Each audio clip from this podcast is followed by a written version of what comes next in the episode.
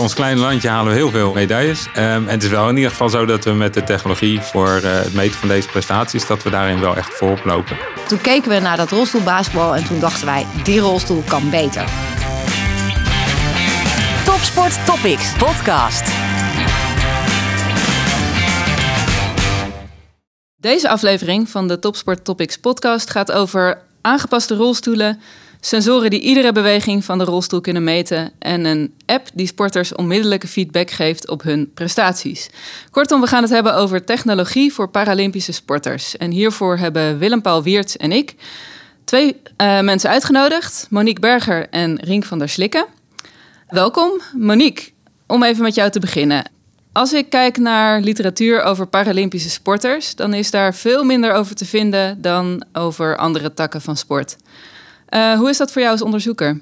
Um, nou ja, er is inderdaad uh, misschien wat minder onderzoek naar Paralympische sporten. Dat heeft zowel voor- als nadelen. Voordelen is natuurlijk dat er nog veel te onderzoeken is. Um, en wat natuurlijk tegelijkertijd meteen een uitdaging is. Um, om, te, om op zoek te gaan naar antwoorden op, op de vele vragen die er zijn. Nadelig is uh, dat we weinig kunnen vergelijken met de literatuur die er is. Maar ook is nadelig dat de onderzoekspopulatie heel divers is. Ja. Um, dat heb je natuurlijk altijd, hè? maar in die Paralympische sport hebben we natuurlijk maar en minder uh, aantal proefpersonen. En de proefpersonen hebben natuurlijk ook allemaal een andere handicap of een, ander, uh, nou ja, ja, een andere aandoening. Dus dat betekent ook dat onderzoek doen met grote groepen heel lastig is. Um, en dat betekent dan tegelijkertijd dat we daardoor veel moeten samenwerken met anderen om voldoende populatie te vinden om uh, goed onderzoek te kunnen doen. Ja, want jij bent sinds kort lector technologie voor inclusief bewegen en sport aan de Haagse Hogeschool. Maar je doet al een aantal jaar onderzoek naar deze populatie, toch? Ja, dat klopt. Ik uh, werkte eigenlijk als uh, docent bij de opleiding bewegingstechnologie. Uh, nou, dat doe ik al meer dan 25 jaar. Eigenlijk uh, al tijdens mijn promotieonderzoek hier aan de, uh, aan de VU bij bewegingswetenschappen ben ik begonnen met lesgeven daar.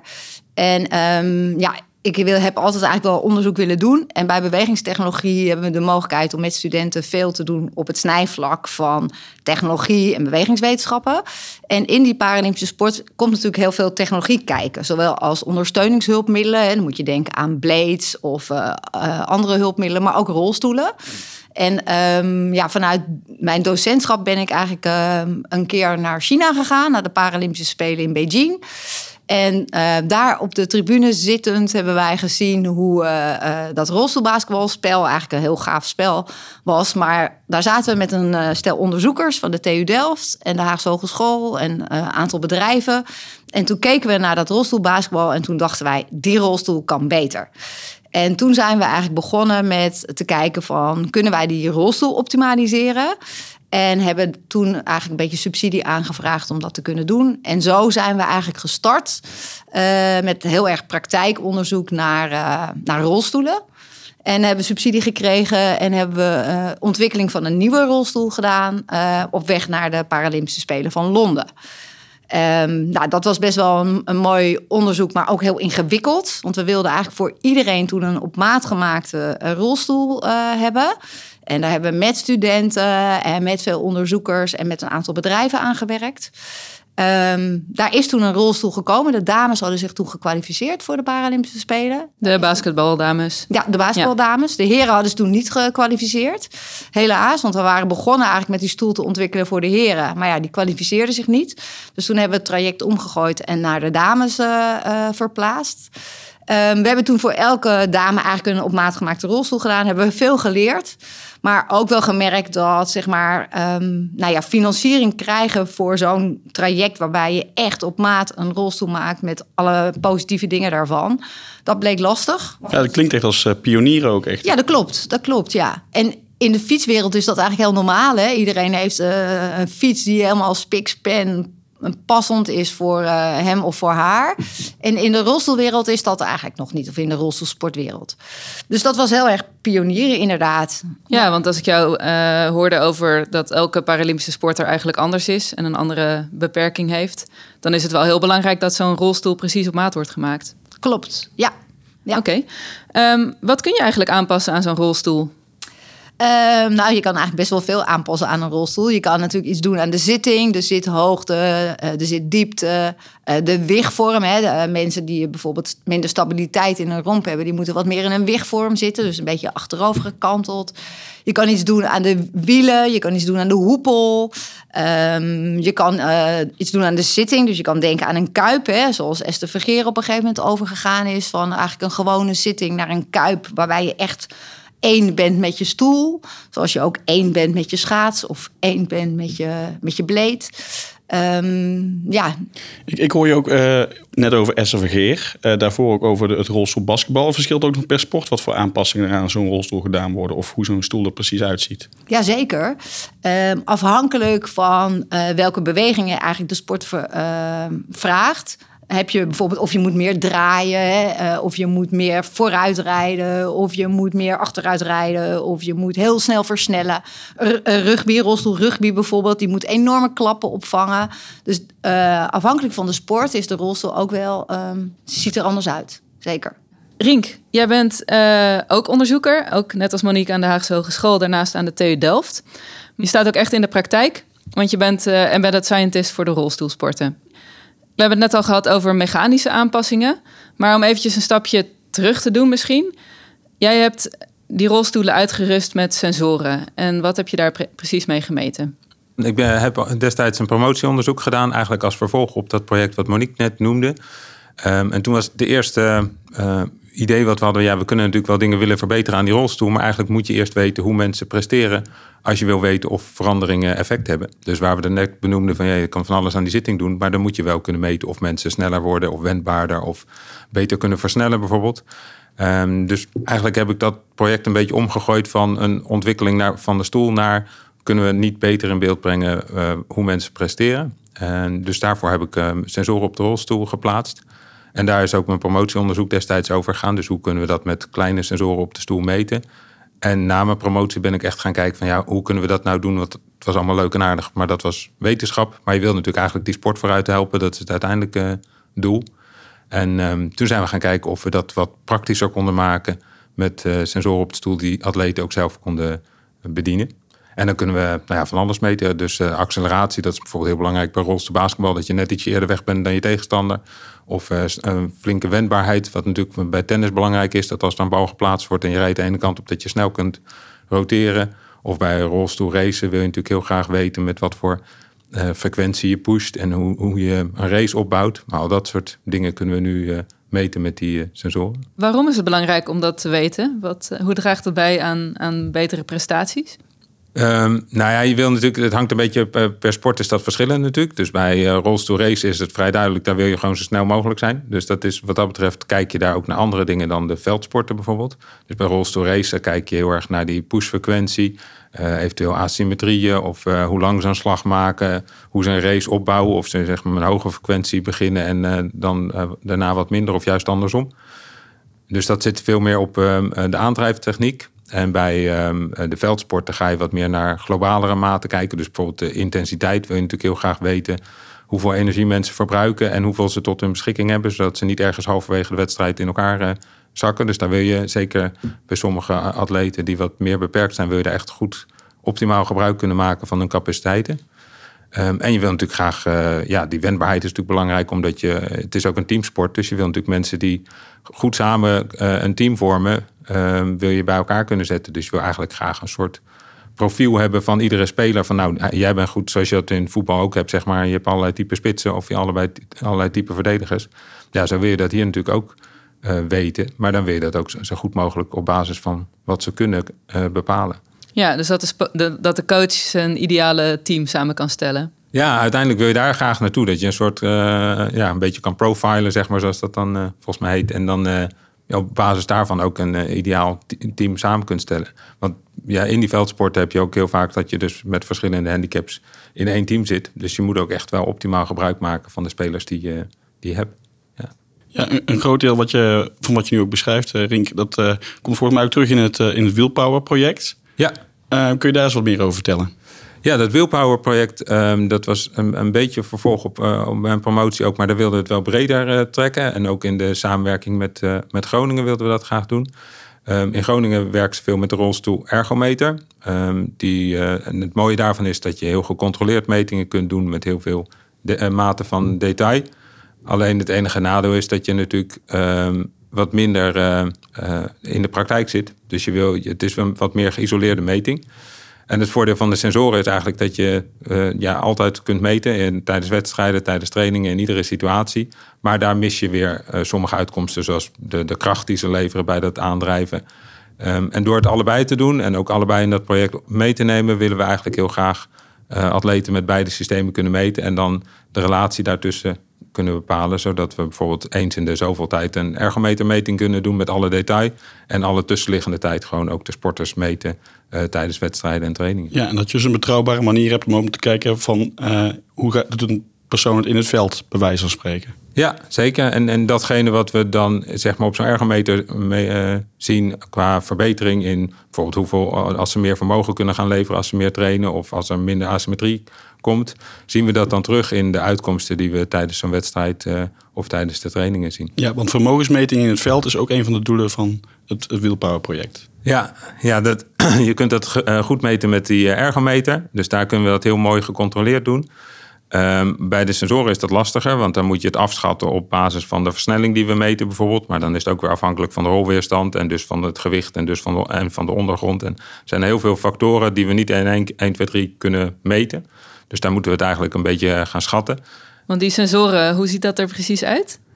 Um, ja, dat zijn hele kleine um, sensoren, dus dat uh, de, uh, wegen een paar gram. En die uh, zitten, zitten eentje op het um, rechterwiel, eentje op het frame en eentje op de romp van de atleet.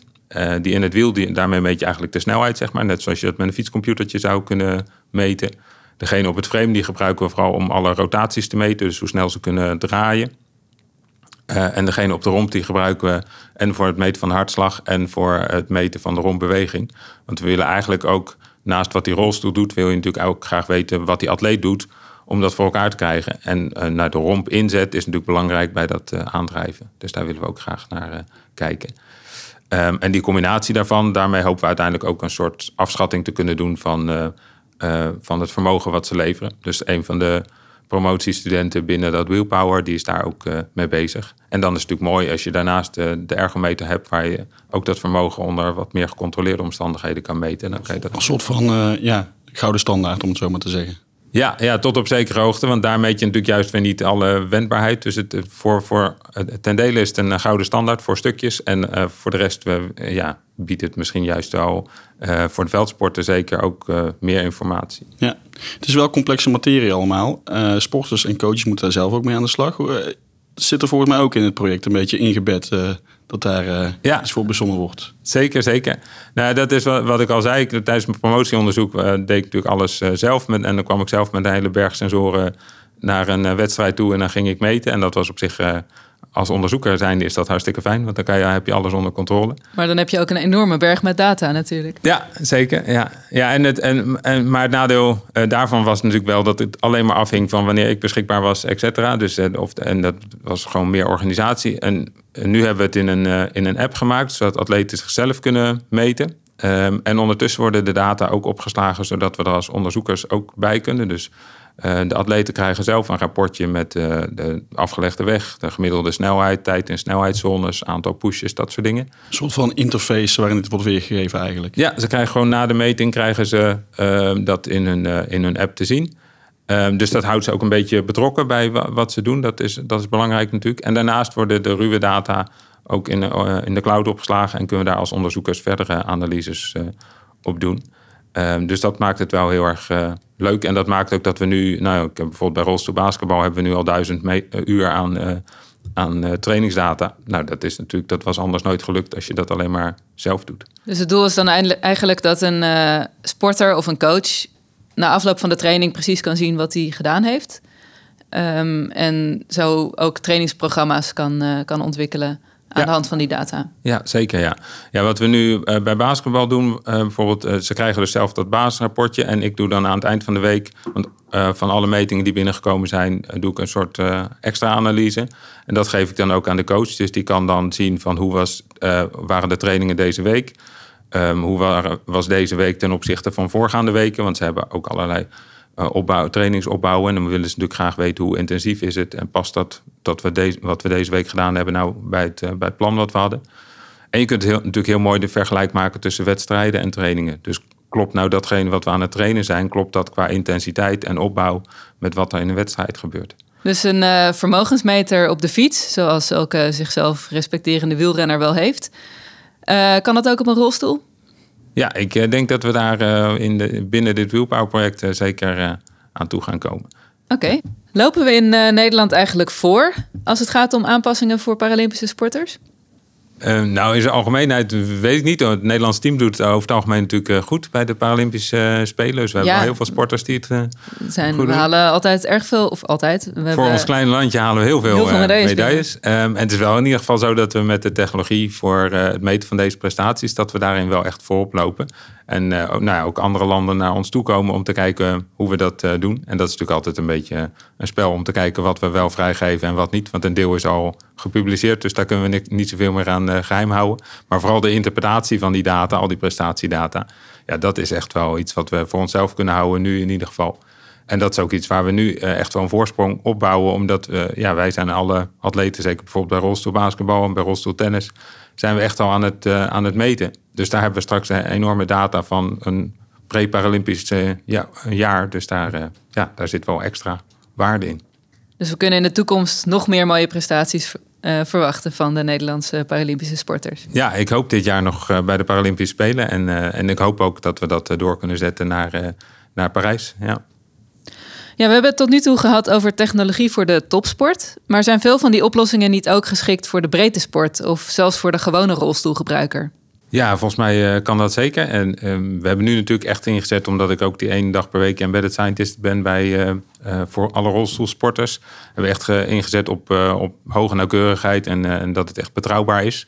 Maar vervolgens kan je natuurlijk ook kijken als het nog weer ietsje simpeler kan. Bijvoorbeeld met één sensor in het wiel kan je eigenlijk ook al heel veel uitkomsten berekenen.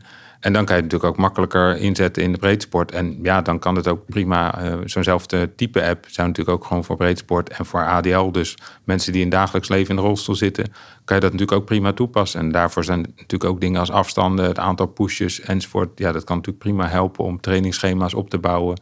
Zowel in de sport als in de, in de revalidatie. Ja. ja, dus dan heb je eigenlijk een soort Fitbit voor uh, ja, de rolstoeler. Iets, ja, ja, iets in die trant. Nou, en we krijgen daar ook best wel wat uh, vragen over vanuit allerlei uh, hoeken om of dat er is. En op dit moment kan dat nog niet, want die app die is echt een beetje afgesloten voor, voor de topsport. Um, maar op het moment dat we, we zijn wel bezig om te kijken of we dat toch kunnen ontwikkelen, dat we dat simpeler en eenvoudiger kunnen maken en dan ook breder kunnen uitzetten. Mag ik daar iets op aanvullen? Want dat, dat is misschien wel aardig. Mijn lectoraat uh, is ook deels onderdeel van Basalt, revalidatiecentrum. En we zouden eigenlijk die, uh, zeg maar de, uh, de app van Rink, om het maar zo te zeggen, zouden we eigenlijk ook graag daarin willen zetten. Voor alle mensen die in de revalidatie zitten en die naar huis gaan, zodat die ook kunnen meten in hun rolstoel um, wat ze doen. Ook om die uh, te stimuleren om, om meer te bewegen en daar feedback ook over te krijgen.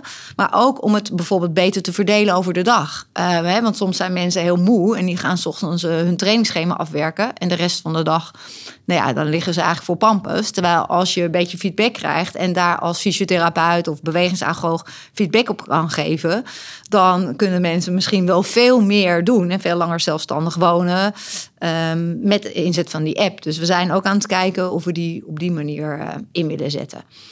Nou ja, en dan vervolgens zou je dat eigenlijk ook voor rollatoren willen doen. Hè? Want alles wat rolt, zou je daarvoor kunnen gebruiken. Dus mensen met een rollator, um, daar zouden we dit ook voor willen gebruiken. Dus nou ja, heel veel ideeën en heel veel mogelijkheden om dit soort technologie ook in te zetten voor grotere doelgroepen. Ja, ja, ik vind het wel mooi om te horen dat we het dus aan de ene kant hebben over individuele oplossingen voor uh, die, ja, die, echt die topsporters. Um, maar dat dat toch wel naar beneden kan uitrollen eigenlijk naar, uh, naar de breedte sport en zelfs naar uh, ja, dagelijks leven. Ja, ja. Nou ja, dat is ook een beetje het doel. Hè? Ik, ik noem het altijd, uh, ik zei net geloof ik al tegen jullie van ja, Formule 1, daar ontwikkelen we ook heel veel uh, moois, uh, wat uiteindelijk misschien wel in mijn autootje terechtkomt. Ja. En dat geldt hier een beetje ook, hè? wat je doet voor de Paralympische sporter, wil je eigenlijk uiteindelijk toegankelijk maken voor iedereen. En nou ja, dat wordt op, op een gegeven moment natuurlijk wel mogelijk gemaakt. Als een soort van wearables voor mensen met een handicap. Ja, zeker. Ja. Ehm, we hebben het heel veel over rolstoelen gehad. Monique, zijn er behalve rolstoelsporters nog meer sporten waar jullie je mee bezighouden? We hebben wel um, wat andere projecten gedaan rondom Paralympische sporten. En um, om er een paar uit te nemen, we zijn een uh, aantal jaar geleden bezig geweest met de ontwikkeling van een zwemvin voor een Paralympische zwemster. Um, de coach kwam toen bij ons met een vraag van... Um, zaten uh, een stomp zeg maar halverwege de bovenbeen. En die kan ze wel een heel klein beetje gebruiken om beenslag te creëren. Maar dat deed ze eigenlijk niet. En um, hij had het idee dat als we daar nou een zwemvin aankoppelden... dat ze dat dan kon trainen. Want in een wedstrijd mag je geen vin gebruiken. Maar als ze dat nou zou trainen met een vin... dan zou ze waarschijnlijk als ze dan die vin af zou doen... dat ook weer tijdens de wedstrijd kunnen gebruiken. Nou, daar zijn we best een tijdje mee bezig geweest. Met veel verschillende studentenprojecten. Met een aantal orthopedische instrumentmakers en een aantal bedrijven. Um, dus dat, ja, dat was een heel mooi project. En die zwemvin is er inmiddels ook. En Livit heeft nu zo'n zwemvin uh, ook in productie. Dus dat was eigenlijk wel een, uh, een, mooi project. Waarvan ook wel mensen zich afvroegen van... nou ja, helpt dat dan wel? Want je kan die vin natuurlijk niet gebruiken. Maar, uh, nee, het ik... is een trainingshulpmiddel dan. Ja. Precies, het was echt een trainingshulpmiddel. Um, nou ja, zo zijn er nog wel wat meer. Hè? Want ik zei helemaal in het begin al dat iedereen is anders. Dus je hebt ook vaak NS1 oplossingen nodig... Um, om iemand beter te laten presteren. En zo hebben we ook voor, uh, was ook van de zwemcoach een vraag voor een rugkraalzwemster. Uh, dan moet je in het water beginnen met de start. Maar dan moet je je vasthouden met je handen aan een startblok. Maar dat kon zij niet uh, door spasmus. En toen hebben we een soort van trappetje ontwikkeld waar zij uh, zeg maar, zich aan vast kon houden. Wat bevestigd werd aan het startblok. Zodat zij wel goed kon afzetten en op die manier kon starten. En dat zijn ook hulpmiddelen zeg maar, die ze wel in de wedstrijd mogen gebruiken. Dus, uh, maar ja, dat zijn eigenlijk allemaal, dat hangt een beetje af van de coach. Als die met een vraag komt. En dan zijn het studentenprojecten. Want dit zijn eigenlijk allemaal hele moeilijke dingen om in een groter subsidietraject. Um, ja, want het, zijn, het zijn allemaal individuele oplossingen, echt op maat gemaakt voor de sporter. Klopt. Maar de, de technologie is natuurlijk steeds beter. Hè? Je kunt met, met prototyping al veel uh, snellere oplossingen maken. Dus ja, ik verwacht eigenlijk dat we in de toekomst ook wel wat meer van dat soort dingen gaan doen. Zeker ook met inzet van studentenbewegingstechnologie, waarmee dat kan. Dus uh, ja, uh, dat zijn wel mooie voorbeelden. We hebben ook nog een project gedaan met Blades. Wat natuurlijk heel uh, spannend is, maar wat tegelijkertijd ook heel ingewikkeld is. Samen met Han Houdijk, die toen op de VU werkte, maar nu in Groningen. En uh, Frans van der Helm, TU Delft. Met een aantal studenten, zowel van de Haagse Hogeschool als van de TU. Zijn we begonnen met zeg maar het kijken hoe de optimale blade eruit moet zien. samen met Frank Jol, orthopedie. Maar ja, daar, daar hebben we wat kleinschalige projecten mee gedaan. Maar daar ontbreekt het eigenlijk wel aan om daar langduriger onderzoek naar te doen. Terwijl onze handen en hoofden jeuken om daar meer aan te doen. Maar goed, dan is um, ja, de subsidiestromen daarvoor nog wel ingewikkeld. En uh, Han en ik hebben altijd nog het idee om dat ooit weer op te pakken. Dus nou ja, dat is, zit nog wel erg achterin en er liggen nog heel veel vragen. Maar ja, dan moeten er ook mogelijkheden zijn om dat soort vragen in een groter traject en een langduriger traject op te pakken. Kunnen sporters of coaches jullie ook benaderen als ze een oplossing zoeken voor een bepaald probleem? Ja, zeker. zeker. Dit was vanuit de zwemcoach uh, toen door tijd. En uh, ja, daar staan we zeker voor open. En zoals ik al zei, het zijn vaak NS1-oplossingen. Voor studenten natuurlijk hele mooie projecten om aan te werken moet je met topsporters natuurlijk wel voorzichtig zijn. Hè? Want je kan niet zomaar elke student uh, in zo'n training uh, laten meeparticiperen. Dus dat hangt er ook wel van af. Maar ja, de vragen uh, zijn zeker welkom. En um, wij staan daar zeer open voor. Wil je meer weten over wetenschap voor de topsport? Kijk dan op topsporttopics.nl en volg ons op social media. Topsport Topics. De schakel tussen wetenschap en sportpraktijk.